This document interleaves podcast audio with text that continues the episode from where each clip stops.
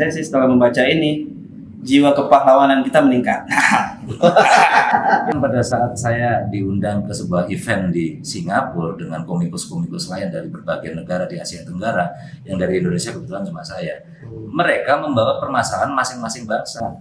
Halo, di sini kita akan ketemu dengan teman-teman para kreator dan kita bisa lihat bagaimana proses kreasi mereka yang menginspirasi kita semua. Siapakah bintang tamu kita kali? ini? Kita akan jumpa sebentar lagi dengan mereka.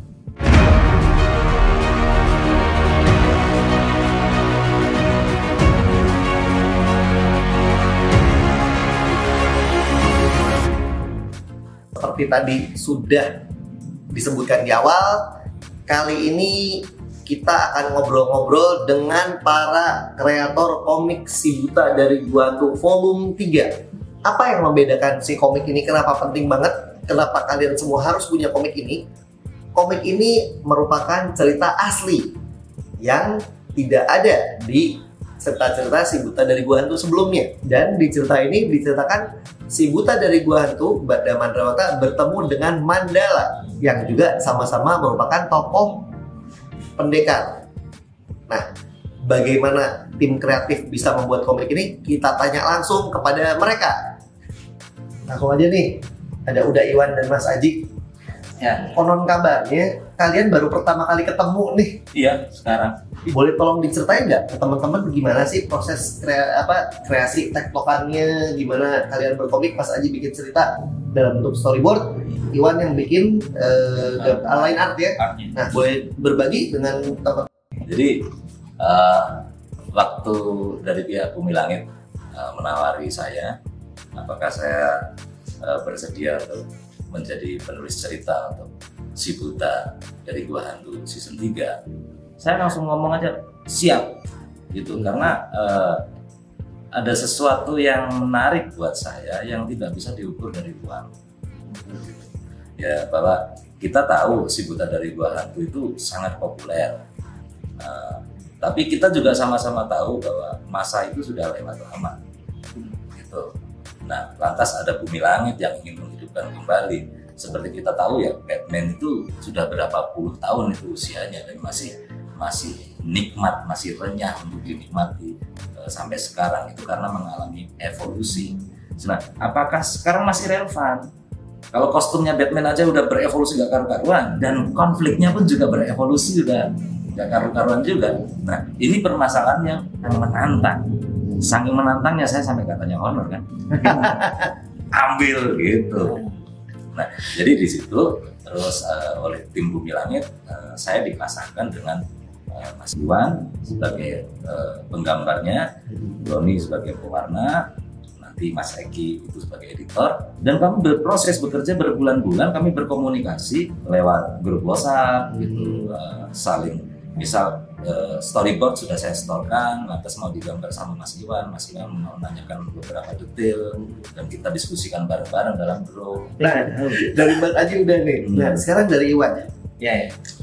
Eh, Mas Aji ini kan terkenal sebagai komikus yang saklek sama pakem sejarah. Ya. Ya. Sementara komik-komik yang lain eh, yang udah Iwan kerjain ada Patriot, kemudian si Buta 12 meskipun ada pakem sejarahnya tapi tetap cerita rekaan. Ya. Ya. Nah, bagaimana eh, bisa comply ke gaya Mas Aji yang tanda kutip sangat saklek ya tadi ya? pokoknya tadi kan bajunya harus seperti itu, senjatanya harus seperti itu.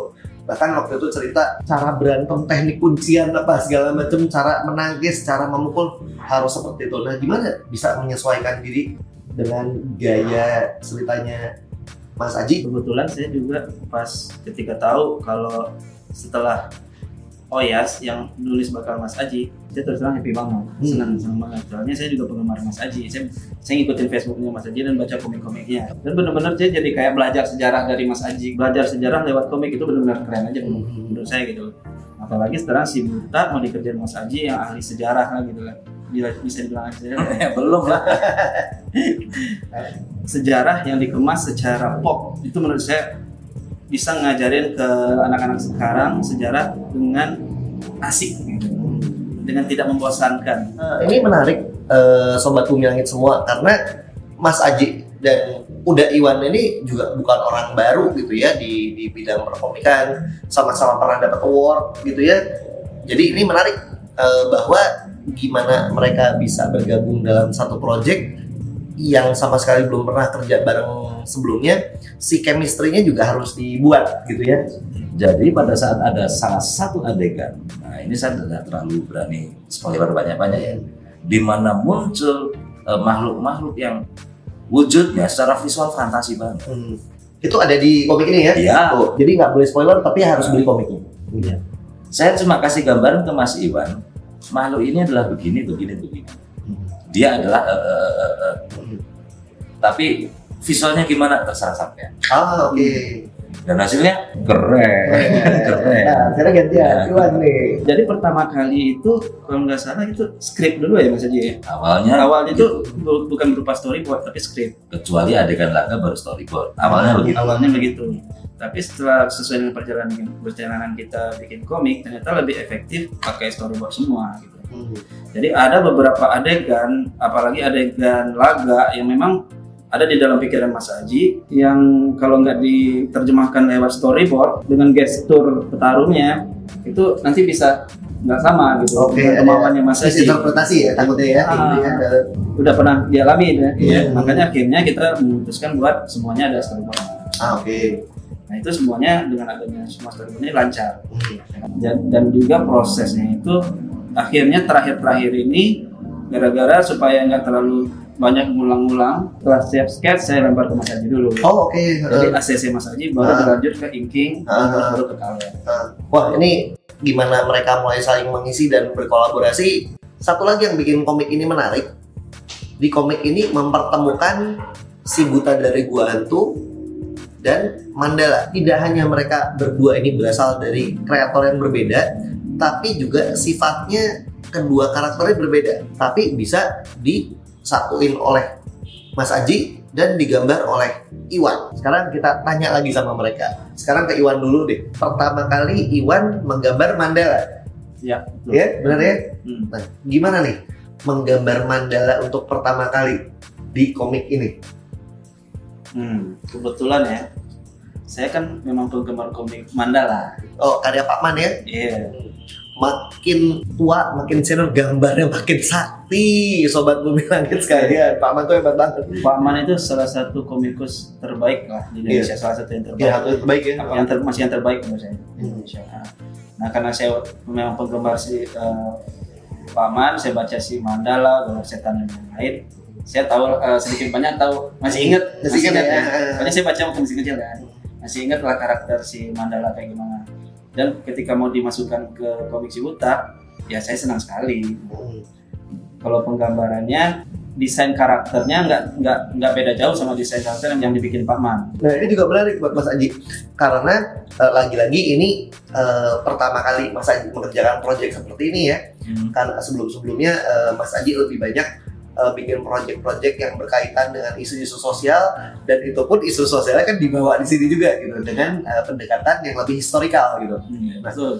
Eh, Mas Aji sendiri dalam mengerjakan ini ada dua karakter berbeda yang dari dua komikus berbeda Eh, ditambah lagi dengan relevansi isu sosial yang ada di sini pada saat itu kalau boleh cerita gimana nih eh, apa pandangan si Mas Aji sendiri ke sini? Jadi gini, eh, untuk bisa menyatukan tiga unsur ini, dua di antaranya adalah tokoh. Yang ketiga adalah setting, Oh, oke. ya kan? Eh, Setting masa. eh, Satu si buta, dua mandala, tiga ini era tahun berapa? Oh, Nah, ya kan? eh, waktu mereka ketemu di komik ini gitu ya? Iya.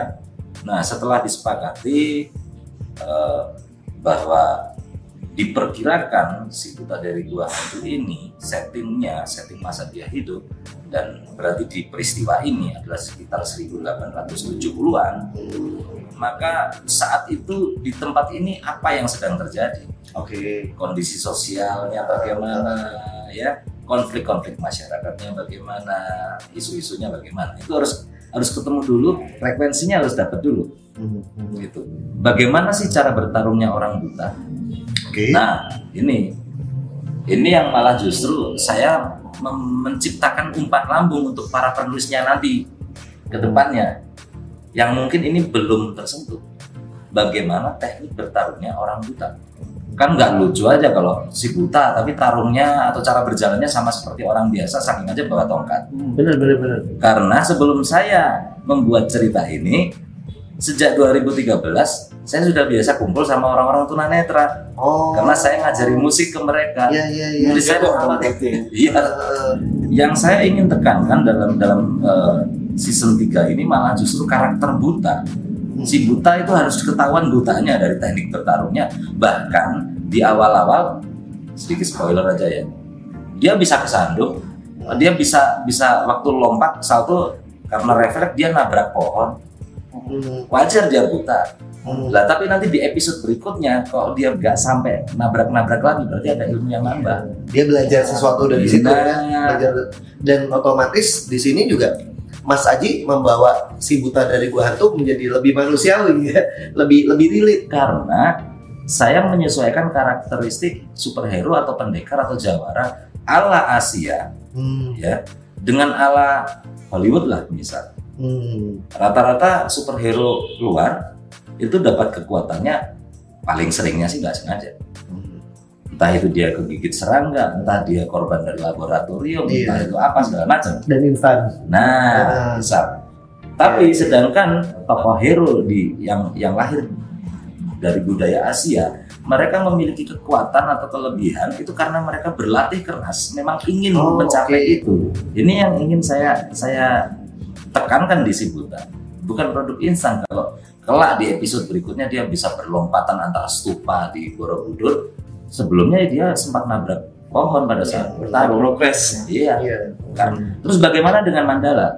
Nah, keuntungannya adalah pencipta tokoh Mandala masih hidup dan bisa konsultasi langsung iya. Eh, jadi jadi semakin menarik ini nah bisa nggak kira-kira Mas Aji dan Iwan nih cerita ke Sobat Bumi Langit ya apa sih yang menarik dari komik ini sampai rasanya layak banget untuk untuk dimiliki gitu loh. Pertama kerennya karena memang ini adalah komik si putra dari Hantu cerita baru setelah Pak Kristian dengan yang dibikin oleh Mas Aji. Pasti eh, cara penceritaannya juga beda biarpun rohnya tetap ya. Nah, tapi apa yang diangkat di Mas Aji di sini ini komik yang keren itu menurut saya eh, setelah membaca komik itu pembaca itu mendapatkan sesuatu ya kan? Suatu pelajaran. Nah di, di komik ini kalau membaca ini jiwa kepahlawanan kita meningkat. Itu kehebatannya komik dengan latar sejarah menurut saya. Nah ini saya baru pertama kali bikin komik seperti ini dan saya senang. Ada karakter di sini yang memang ada tokohnya. Wajahnya saya yang itu. loh Oh, ini ini Eh, kode-kode ini- di antara mereka ini ya di antara mereka nih. Mas Aji kayaknya lupa deh, nggak tahu deh yang mana nah sekarang ke Mas Aji, kenapa kenapa si si buta dari gua tuh Raja Mandala ini menarik gitu loh? Si buta dari gua hantu. Ini kan menariknya itu. Ada pendekar, tapi dia cacat, dia buta, dia tidak bisa melihat. Tapi dengan ketidakmampuan salah satu indranya, akhirnya dia menemukan kemampuan yang lebih dari indera yang lain dan akhirnya merespon permasalahan-permasalahan sekitarnya. Ini yang perlu untuk direnungi oleh orang-orang kita sekarang dengan kondisi sosial saat ini belum cacat aja udah merasa nggak mampu, merasa gagal atau merasa menyalahkan apa segala macam. Iya. Maka kalau kita memunculkan sosok si buta dan bisa eh, bikin tokoh ini akhirnya layak untuk dikagumi, ya kita patut belajar banyak. Karena mereka ini berdua tentu saja udah sehebat ini gitu ya. biasa aja. Ini kan salah satu kehebatan dia rendah hati. makanya nggak mungkin mereka bisa nyampe di level seperti ini kalau biasa-biasa aja gitu ya. Nah, kita tanya dulu dari mereka apa sih tips dan trik kok mereka bisa ada di posisi yang hebat-hebat seperti ini gitu loh. Kalau tambahan kalau dari saya sebagai penulis cerita, bagaimana agar kita tetap bisa menciptakan karya, cerita yang kita bikin sebaiknya itu merespon permasalahan. Setiap zaman punya masalahnya sendiri-sendiri. Bahkan pada saat saya diundang ke sebuah event di Singapura dengan komikus-komikus lain dari berbagai negara di Asia Tenggara, yang dari Indonesia kebetulan cuma saya, mereka membawa permasalahan masing-masing bangsa. Oh, asik ya. Asik. Dan mereka tahu bagaimana permasalahan di Indonesia dari komikus yang di Indonesia yang merespon permasalahan sekitar. Nah, kalau mereka mengatakan kalau aku kehabisan ide cerita, maka saya cuma bisa jawab, kamu cuma kurang dolar. Iya. Di rumahmu, di kamarmu sudah gak ada masalah, di luar pasti ada. Dolan lah, keluar kau akan menemukan itu. Mungkin sedikit tambahan lagi, Mas Iman me- mengatakan kalau karya-karya saya cukup banyak yang berbasis sejarah kan. Karena saya menemukan banyak permasalahan di masa lalu yang sekarang pun juga belum tuntas. Hmm. Misal, jika sebuah negara mengalami krisis pangan, Hmm. maka yang mati kelaparan pertama kali adalah petani. Iya kan? Padahal petani itu yang nanam Iya, makanan. betul. Padahal mereka produsennya gitu ya. Iya, tapi mereka mati duluan Iya. kalau ada krisis kelaparan. Dan apakah itu tidak terjadi saat ini? Masih terjadi. Hmm. Nah, kita angkat dalam bentuk produk seni untuk jadi kita berbagi renungan kayak gini loh guys. Ada masalah kayak gini loh. Gitu. Ada di sini ya. Ada. Dia jago banget ya mancing. jago banget. gitu. Nah, ini makasih banget, asik banget ngobrol-ngobrol sama mereka berdua ini. Mungkin kalau gitu kita sampaikan closing deh ya buat sobat bumi langit di sana. Mungkin ada ada pesan-pesan yang ingin disampaikan. Untuk sobat bumi langit, kalau menginginkan sebuah produk seni macam komik yang ingin hiburan sekaligus ada renungan, ada wawasan, silakan. Iya menurut saya sih pertama kalinya si Buta dan Mandala ketemu ya di komik ini. Ya, jadi di sini ketemulah dua karakter komik yang memang saya sukai dari dulu gitu loh. Jadi pasti saya juga bikinnya dengan sepenuh hati. Jadi ya tolong dibeli ya. Si buta dari gua hantu Raja Mandala segera hadir bisa dibeli nanti di toko-toko buku terdekat dan juga online. Sampai ketemu lagi